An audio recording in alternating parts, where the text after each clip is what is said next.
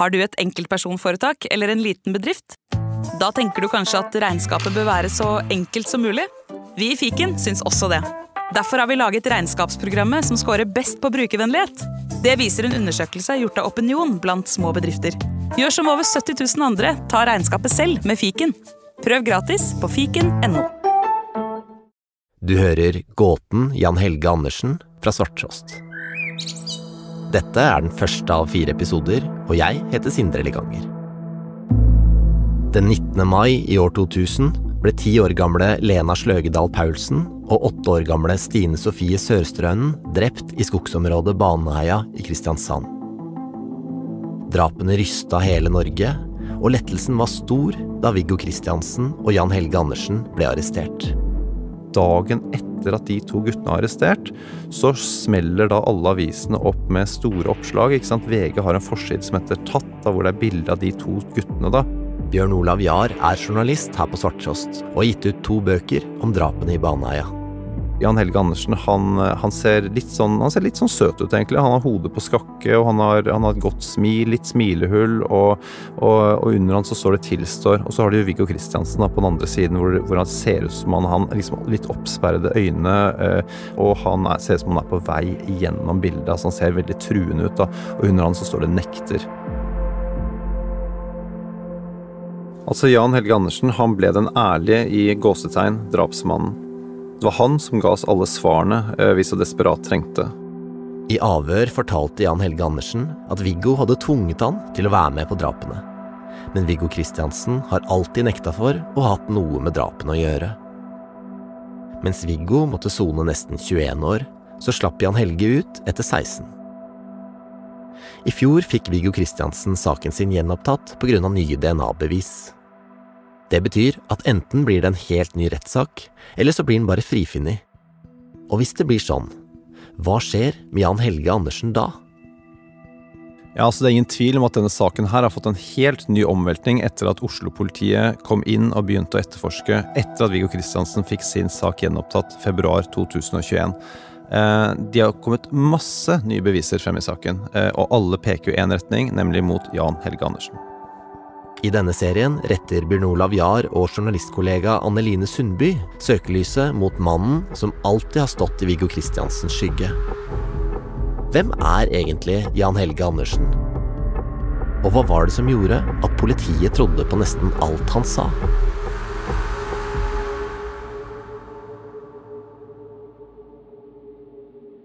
Bjørn Olav Jahr, da du begynte å skrive boka Drapene i Baneheia, så var det ikke veldig mange som trodde at Viggo Kristiansen kunne være uskyldig. Nei, det var det virkelig ikke. Jeg vil tippe at det var en håndfull. Det var jo en helt uh, forferdelig hendelse som, som, påvirket absolutt alle. Uh, hva er det som gjør at du vil skrive om dette? Ja, Det er ingen tvil om at dette her er et nasjonalt traume. Det var så forferdelig. Altså, Det er to små jenter som drar hjemmefra for å bade. Uh, de kommer ikke tilbake. Eh, det settes i gang en stor leteaksjon. Det tar to dager før man finner dem, og da er de voldtatt og drept. Um, og det er klart Dette her vekker jo så mange følelser i folk, så når man endelig får et svar, så er det jo helt naturlig at man ønsker å legge det bak seg. Det er jo sånn man kan komme over traumer. altså Man må, man må bearbeide, man må komme ut av det. Eh, og det er så forståelig, men så er det så forferdelig også, da, at hvis, hvis, dette behovet for å legge det hele bak seg fører til at det sitter en mann uskyldig dømt i fengsel for en så grusom forbrytelse, så tenker jeg at det er jo også svært viktig å se på. Og det er på en måte min inngang inn i saken. Så det jeg tenkte var rett og slett om, om eh, er det sånn at Viggo Kristiansen snakker sant? Eh, og hvis han gjør det, så snakker vi i så fall om norgeshistoriens største justismord. Og hvordan gikk du fram da? Hvordan begynte du å jobbe med den saken? Da var jeg såpass heldig at jeg klarte å få tilgang til dokumentene i saken. Og, og da husker jeg samme sommer som jeg da sa at jeg var interessert i å se på dette, så reiste vi på ferie til Den dominikanske republikk. Jeg pakket kofferten min full av dokumenter. Det var egentlig det eneste jeg hadde plass til. Eh, og, så, og, så, begynte jeg å lese når jeg lå nede på stranda der. Eh, og det var veldig spennende. Eh, og, og, jeg hadde jo noen aha-opplevelser der også. Altså, blant annet så ble jeg jo veldig sånn jeg er litt sånn lettere sjokkert over politiets grenseløse tillit til Jan Helge Andersens forklaringer, som jeg syns det så ut som det var mye galt og rart ved. oppfølgingen av denne saken og dommen som også falt, etterlot jo ingen tvil at det var Viggo Kristiansen som var hovedmannen. Det var han som hadde drept og voldtatt to barn, og i tillegg så hadde han presset sin bestevenn til å delta i ugjerningene, før han til slutt altså nektet å erkjenne. Eh, så han ble det store monsteret, og dette hatet mot Viggo Kristiansen, det sitter veldig dypt, og det tror jeg faktisk sitter i svært mange ennå. Jeg tenker at jeg tar ikke i om jeg sier at Viggo Kristiansen var Norges mest forhatte mann på dette tidspunktet, så inntil Anders Behring Breivik dukket opp. Eh, og jeg merket mye av holdningene selv da jeg begynte å jobbe med boken, og jeg sa til folk at ja, nå jobber jeg med en bok om Baneheia-saken, og, og jeg vil si at folk var mildt sagt skeptiske. Og da måtte jeg typisk, for å få garden noe ned hos folk, så måtte jeg alltid si sånn ja, ja, jeg vet at Viggo Kristiansen er et monster, men Og dette til tross for at Jan Helge var den eneste som hadde innrømmet å ha vært eh, delaktig i ugjerningene. Hvordan endte vi her? Ja, det er et godt spørsmål. Eh, det er jo klart, eh, Og den eneste også de har tekniske bevis mot, er Jan Helge Andersen. Men det er klart, når de finner av dette kjønnshåret som tilhører Jan Helge Andersen, så ser de for seg at nei, han, han er for tafatt type til å kunne gjort dette her alene. Eh, det må være to om drapene. Eh, Viggo Kristiansen må ha hatt en rolle her, han også. Eh, og det er da de havner i avhør med Jan Helge Andersen, og han nekter jo til tross for at de har funnet kjønnshåret hans, og så sier politimannen da i avhør at men vi har et inntrykk av at også du er et slags offer i denne saken, og at det er din beste venn Viggo Kristiansen som er hovedmannen. Og da skriver jo politimannen i en egen rapport senere at da så det ut som at Jan Helge Andersen fikk noe å tenke på. Og likhet på det så, så, forteller han at eh, det var um, Viggo Kristiansen som drepte den eldste jenta, at uh, han selv drepte den minste, og at det var Viggo Kristiansen som forgrep seg på begge jentene, mens han selv satt med ryggen til. Og dagen etter så kommer altså den innrømmelsen trykkes på VG-forsiden. Mm. Og nå er det Viggo skal bli et nasjonalt uh, monster. Virkelig. Uh, ja. Mm. Uh, fordi han benekter jo også alt. Han har vært med på dette og benekter alt, men Jan Helge Andersen han iallfall tilstår og er ærlig, da. Ærlig i gåsetegn. Og, ja, og det er ingen tvil, liksom, nå er det jo på en måte sånn Viggo, Viggo, Viggo i alle kanaler. Og politiet foretar også en svært ensrettet etterforskning. Altså jeg ser jo i dokumentene i saken, så er det sånn uh, jeg tror det er i Viggo Kristiansens omgangskrets og, og, på en måte folk som har på en måte et eller annet med han å gjøre, så har de, så har de avhørt 34 personer.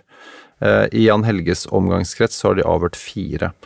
Eh, det kan jo selvfølgelig si noen ting om at for det man var veldig opptatt av å lage et narrativ, var at disse to guttene hadde bare hverandre. Jeg tror nok sannheten er at Jan Helge hadde nesten bare Viggo.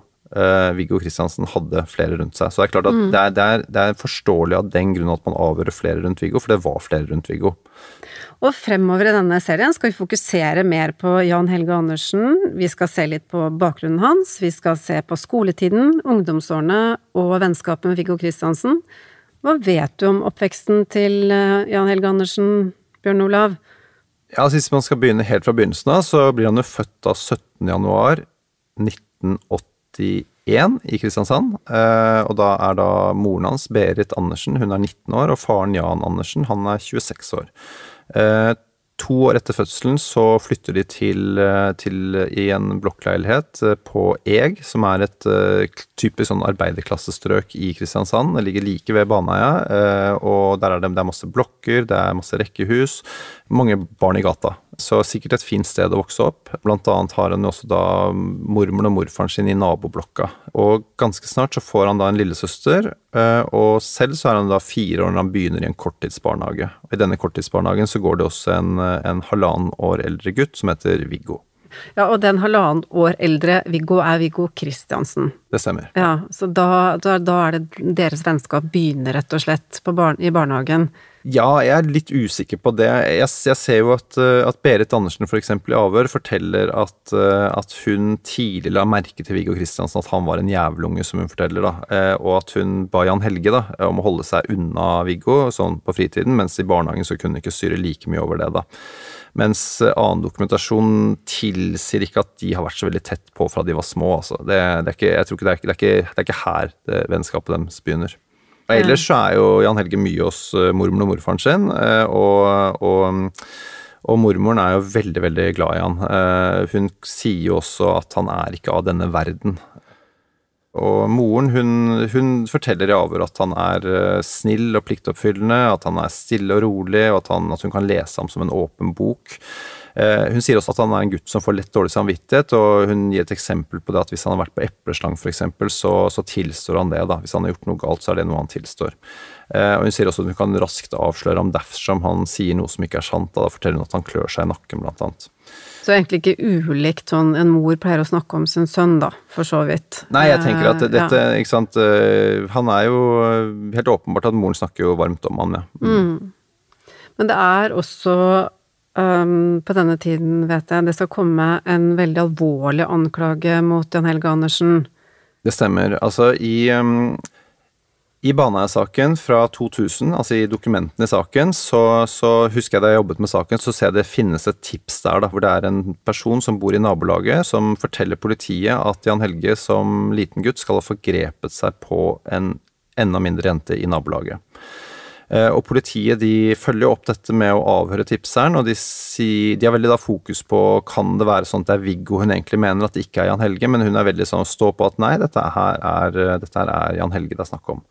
Eh, og så går politiet da videre til foreldrene til Jan Helge og spør om dette forholdet, og de bare sier at dette er ukjent. Eh, Ja, og det er nå, da Baneheia-saken kommer opp i år 2000, så, så går de til foreldrene og, og hører om denne saken. Ikke sant? Og dette er et forhold som da skal ligge tilbake igjen til ca. 1988. Ja, da han var helt liten gutt. Veldig liten. Han var syv år gammel.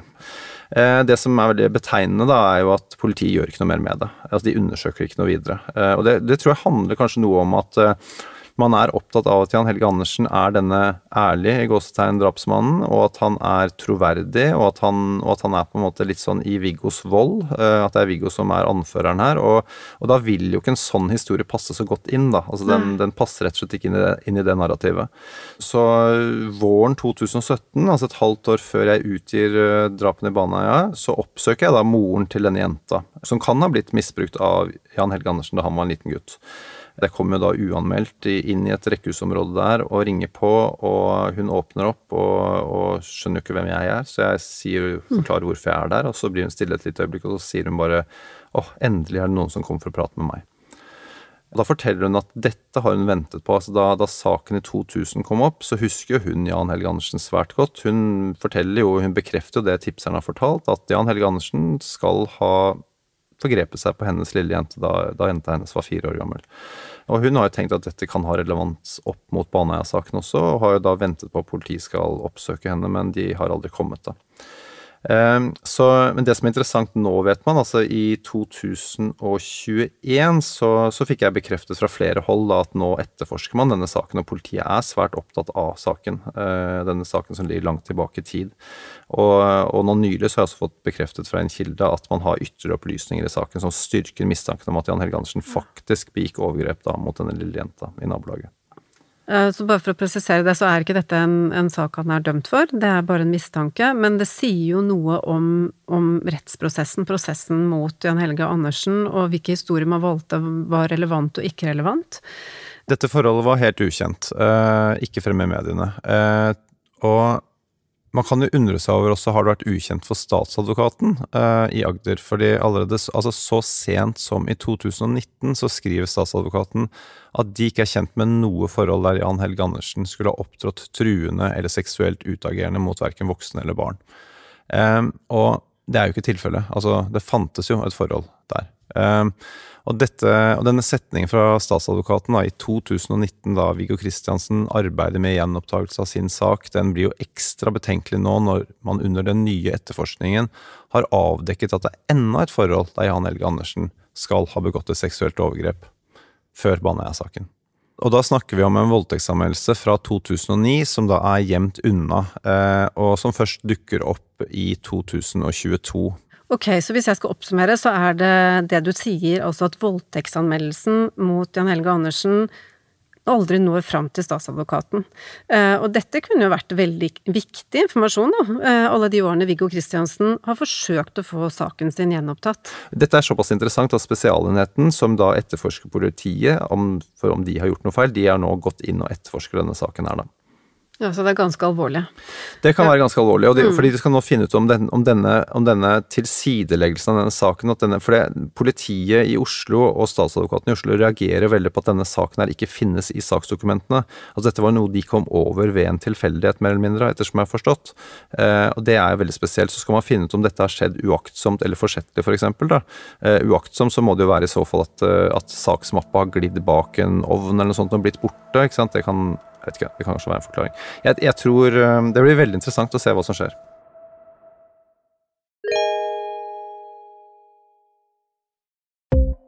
Driver du en liten bedrift? Da tenker du sikkert at dette er en reklame for fiken. Men det er det ikke, for vi er Folio. Folio er en banktjeneste for bedrifter, og vi er fikenbrukerne sin absolutte favoritt.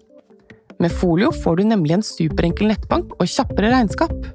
Dessuten får du påminnelser om alt du ellers må huske på. Med Folio er alt samlet på ett sted, og du får umiddelbart kontroll over utgifter og kvitteringer. Besøk folio.no og se hvorfor bedrifter foretrekker oss fremfor de store bankene. Folio smartere enn banken. Før du hører videre, så vil jeg tipse deg om en annen serie som du finner her i Svarttrost Dukk. Den 15. desember 2022 går en dame i svart dommerkappe fram foran en rettssal i Oslo. Borgarting lagmannsrett skal i dag avsi dom i sak med den offentlige påtalemyndighet mot Viggo Kristiansen. For tredje gang skal det legges fram en dom for en av de verste forbrytelsene vi har sett i Norge. Men denne gangen skal en av de som ble dømt, frikjennes. Etter dette frifinnes Viggo Kristiansen for forholdene i tiltalebeslutningen post 1 til 3, Baneheia-saken. Hvordan endte vi opp her? Og hva skjer framover med Viggo Kristiansen og Jan Helge Andersen nå? Konsekvensen av alt som har gått galt i Baneheia-saken, er at vi står med et uoppklart drap. Det kan vi ikke leve med. Hør Jar gransker Baneheia med Bjørn Olav Jahr i Svarttrost Dukk. Nå tilbake til episoden. Bjørn Olav, nå skal vi gjøre et sprang tilbake til Jan Helge Andersens barndom. Hva vet vi om skoleårene hans, for eksempel?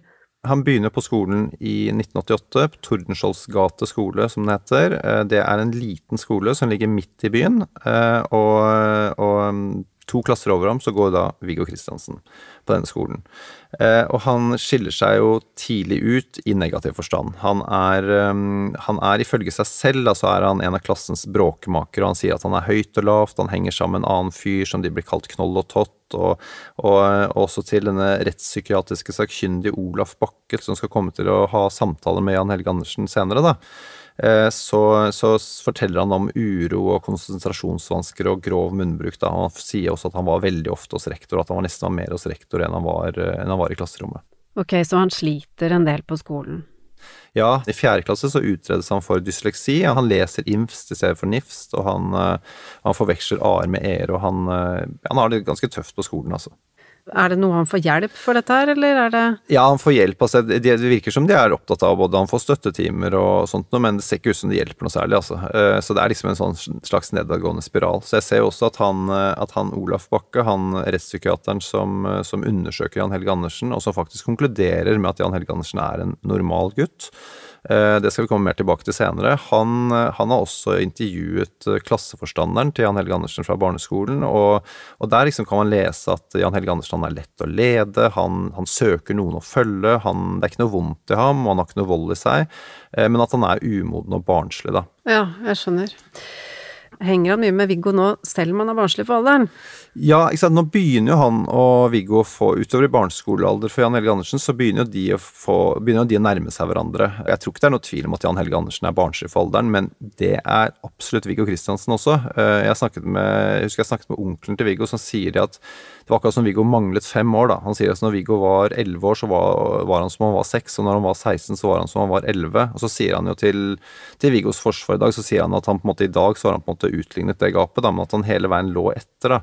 Og Viggo Kristiansen har jo en, en fryktelig trist uh, skolehistorie. da. Uh, han, uh, han, begynner jo da på ungdomsskolen i syvende klasse, som han gjorde på den tiden, men allerede i åttende klasse så dropper han ut av skolen. da.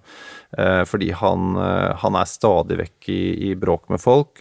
Han er veldig liten, han er veldig liten for alderen. Han blir kalt smurfen og atom, han blir hengt opp på knaggen. Så han har det, han har det kjipt. han blir mobba på skolen, rett og slett? Han blir mobba, ja. ja og, han, og, han, ender jo da opp med å henge mye rundt på Tordenskjold skole, der hvor han gikk på barneskole, der Jan Helge nå går i sjette klasse.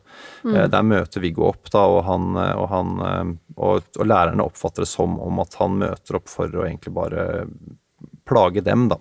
De beskriver han som en plagsom klegg, da, er vel det uttrykket ja, okay. som etter har blitt brukt. Og Jan Helge i denne perioden, han går altså i sjette klasse, og han skal Begynner han på ungdomsskolen, eller hvordan går det? Ja da, han begynner på ungdomsskolen, ja. det gjør han. Uh, han uh, men det går heller ikke bra. Uh, hvordan fungerer han sosialt på den tiden, vet vi noe om det? Uh, ja, det, det, er sånn Jeg har snakket med en som gikk i klasse med han, da, og som forteller at det var en del som mobba Jan Helge litt, da, men, uh, men han mente at Jan Helge Andersen ikke så ut til å affisere seg noe særlig. Han mente at han var ganske fjern, da, at han var en sånn fyr som alltid var i bakgrunnen. og at nå kom jeg forresten på en sånn Jeg tenker at det er, er et eller annet sånn grenseløst ved Jan Helge. Jeg snakket med en felles venn av, eh, av Viggo og Jan Helge, som fortalte at uh, at han hang litt med de da, da han var yngre. Han var ganske mye yngre enn disse, disse to gutta igjen. da, eh, og Da sier han at de hadde bl.a. et sånt rollespill da, hvor, hvor, Jan Helge ble bedt om å legge seg ned i, i oppkjørselen til naboen med, med, armene bak på hodet, og så, og så det, kunne de gjøre hva de ville med han. og Da, da sa denne, denne yngre kameraten at han liksom fant liksom ut at han skulle liksom bare bruke Jan Helge Andersen som en slags fotball. da, Så han klinte til ikke sant, i magen på han med strak vrist, og, og han, liksom, han bare hører en sånn hul lyd. da, eh, og, og, han liksom er åpenbart at han Helge får vondt, da, men han blir bare liggende, da, for det er jo en del av, av rollespillet også, liksom, at han skal finne seg i dette her. da. Eh, så, så, da er um, Men han sier jo da, denne fellesvennen da, som sier jo da at det var liksom, det var bare sammen med de to han kunne finne på noe sånt. Da. Han sa liksom at rammene var satt, liksom, og det var liksom Kjør på. Er forferdelig lek. Det er ikke en sånn lek man bør anbefale andre å drive med. Nei. Men ut fra det du forteller eh, sånn gjennom denne ja, Jan Helge på skolen her, sånn, så jeg, jeg, kjenner jo at jeg også får litt eh, vondt av den unge gutten Jan Helge Andersen. Men det skjer også noe fint i denne tiden med Jan Helges liv? Ja, ikke sant. Det er jo, det, det er jo litt fint at det er litt, litt, sol og varme her også. Og det er jo De er en vennegjeng. Det er det, det er tre jenter da, som blir sammen med tre kamerater igjen. Da, og i, i liksom Blant de tre kameratene så er Jan Helge en av dem. Da, og det er som, som en av disse sier i avhør scenen, at det er litt tilfeldig da, hvem som blir sammen med hvem. Men, men, hun som blir sammen med Jan Helge, hun sier jo i avhør i 2000, altså etter at Jan Helge er arrestert for drap og voldtekt, så si, omtaler hun ham som kjempeherlig. Og hun sier også at han er liksom den snilleste gutt på jord. Uh, og og Hun forteller også at han er sjenert, og at det liksom tok lang tid etter at de ble sammen før han på en måte turte å holde henne i hånden og, og på en måte liksom vedkjenne seg helt at de var kjærester, men at han var en fyr som, som smilte hele tiden og, og, som var snill. da. Eh, og, og, så forteller hun også at han skryter liksom at han har en litt eldre kompis da, som heter Viggo, og at de finner på skikkelig masse tøft ja. Da, og, og, Viggo er liksom, hun, hun har litt respekt for Viggo, da, for han er på en måte, han er litt berykta. Så, de, så det hender alltid at hun og Jan Helge lusker seg forbi liksom, der hvor Viggo bor, da, for han, han ikke skal oppdage, oppdage dem. da. Også fordi jeg ikke ønsker at Viggo skal erte dem for at de er kjærester. Eh, og En dag så står jo Viggo utenfor hjemme hos Jan Helge. Når de kommer gående, så sier han liksom at nå er det min tur til å være sammen med Jan Helge. liksom. Og da, var han sjalu? Ja, da syntes han det var nok, liksom. Altså, og, da, og, da, blir jo denne kjæresten Hun sier at hun blir overrasket av at Jan Helge svarer da Viggo liksom, liksom setter litt Viggo på plass og sier at nei, det, nå er jeg sammen med henne. Og, men han lovte at han skulle være sammen med Viggo dagen etter og sånn, da. Så, så, hun er liksom hun er forbauset over at han liksom faktisk står opp, da. Ja. Da resonnerer hun sånn at hun er forbauset over at han står opp for Viggo, for Viggo hadde en sånn maktposisjon overfor Jan Helge den gangen, da høres det ut som, men, eh, men det ja, vet vi jo ikke noe om, jo, derfor det er sånn jeg tolker det. Ja, men det syns jeg er veldig interessant, for det handler jo også noe om at uh, det, det, det, kan godt ha vært sånn, ingen tvil om det, men man må også se dette litt i sammenheng med at dette dette avhøret foregår i 2000 etter at de to er arrestert, og historien om Viggo Kristiansen som den store, sterke og Jan Helge Andersen som den stusslige etterdilteren, den er jo veldig kraftig etablert her. Eh, så jeg tenker sånn at alle avhør på en måte som blir tatt etter at de to guttene er arrestert, blir jo veldig farget av det narrativet det er satt inn i. Ja, av den Eh, historien som blir fortalt i, i pressen sant? eller av Så det eh, blir jo mye som skal bekreftes. Men jeg syns jo på en måte sånn det som på en måte styrker hennes forklaring, det er at hun sier liksom litt både og, ikke sant. Altså hun sier jo at han sto opp mot øh, Hun sier jo at Viggo Kristiansen er en skummel type, men hun sier jo samtidig at Jan Helge Andersen klarer å stå opp mot ham, da. Mm. Så, så jeg syns jo og, og, hun- og, og så er det jo Hun snakker jo varmt om Jan Helge også, ikke sant. Så det viser jo at uh, mennesker er jo sammensatte. Altså man er ikke bare én ting. Ja. Men det er i denne perioden nå som Jan Helge Andersen og Viggo Kristiansen er uatskillelige. Det er nå de begynner å bli det radarparet som det refereres til. Absolutt. Det er liksom helt åpenbart at uh, det, det drar seg til nå, men det, det, samtidig så er det liksom verdt å merke seg også at uh, Viggo Kristiansen han blir jo innlagt på noe som heter EG psykiatriske sykehus, som ligger like i nærheten av der hvor de bor. Uh, for han har store problemer. Han har ADHD, han er inne til utredning der. Og da husker jeg da, da blir han bedt om på en sånn, da er det sånn vennehjul da, som han blir bedt om å liksom beskrive noen venner. da, Så er ikke han Helge nevnt der. Men det har kanskje noe igjen med å si med at jeg tror at Viggo Kristiansen er viktigere for Jan Helge Andersen enn det Jan Helge Andersen er for Viggo Kristiansen. Viggo Kristiansen har nok en litt større omgangshest enn det Jan Helge har, da. Men de begynner å henge mye sammen, det gjør de, og etter hvert så blir de temmelig uatskillelige. Men, men den historien om at de er uatskillelige fra dag én, den, den er nok noe overdrevet. Og, og det er helt klart at Jan Helge har jo andre folk han også henger med, og, og i niende klasse eksempel, så, så blir han og en kamerat plassert på et sykkelverksted hvor hvor de skal arbeide, da. Og da viser det seg at de kommer til å ende opp med å robbe dette sykkelverkstedet for mange deler, og de blir jo tatt Oi. for det. Ja, og da er jo Jan Helge veldig opptatt av at det er han andre som stjal mest, da, men det viser seg tvert at det er Jan Helge som får skylda for det hele. Uh, og, og dette, denne Så Jan, episoden bare stopp deg nå. Um, de stjeler, og Jan Helge mener at det er den andre som uh, Ja. har gjort det Ja, Jan meste. Ja, det og han, han. som var liksom den verste av de. Ja, Mm. men så er det Jan Helge som får mest av skylden, og, og dette ender jo opp med at han får nedsatt i oppførselskarakter før han går ut av ungdomsskolen. Da. På den annen side så tenker jeg at det har kanskje ikke så mye å si, for han skal uansett videre på videregående skole på særskilte vilkår, for han har ikke bestått i alle fag, da, kan du si. Er det noen områder han skinner eh, på, eller vil du si som han gjør det godt? Eh, jo, det er, det er noe der, da. Så Jan Helge Andersen han, han er glad i friluftsliv. Det er han hele tiden. Han er veldig glad i hytta og sånt nå, som familien har tilhold til. Og 16 år gammel så melder han seg inn i Heimevernsungdommen. Og det skal liksom bli hans virkelige store lidenskap. Han er, han er glad i militære effekter, han er flink med våpen, og han er disiplinert. Eh, og ganske snart så blir han også utpekt til å være lagfører. Samtidig så tar hun også krigen for langt, da. Og sammen med Viggo, begge utkledd i militæruniformer, så skal han etter hvert terrorisere nabolaget på Eg. Dette skal vi snakke om eh, neste episode, eh, og det, den har vi gitt navnet Lagføreren.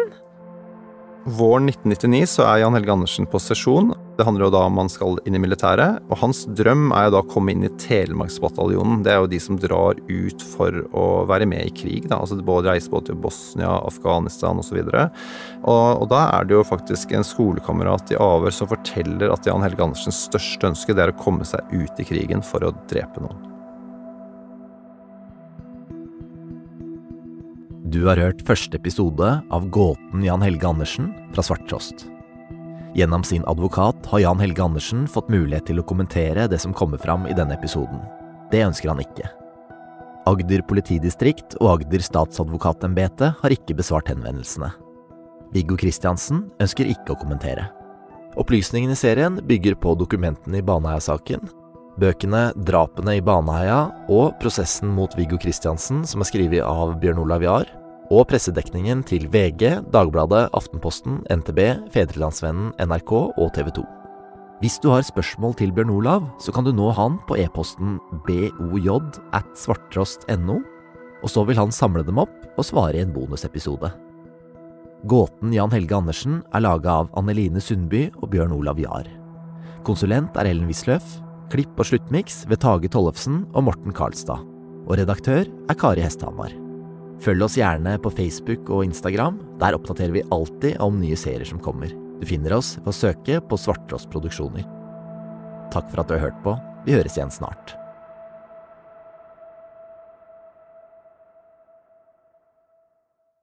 Resten av denne serien er eksklusiv for abonnentene våre. Du kan bli abonnent ved å søke opp Svarttrost Dukk i podkastspilleren til Apple eller i Spotify. Hos Apple så kan du trykke på abonner-knappen i appen, mens i Spotify så kan du følge lenka i episodebeskrivelsen.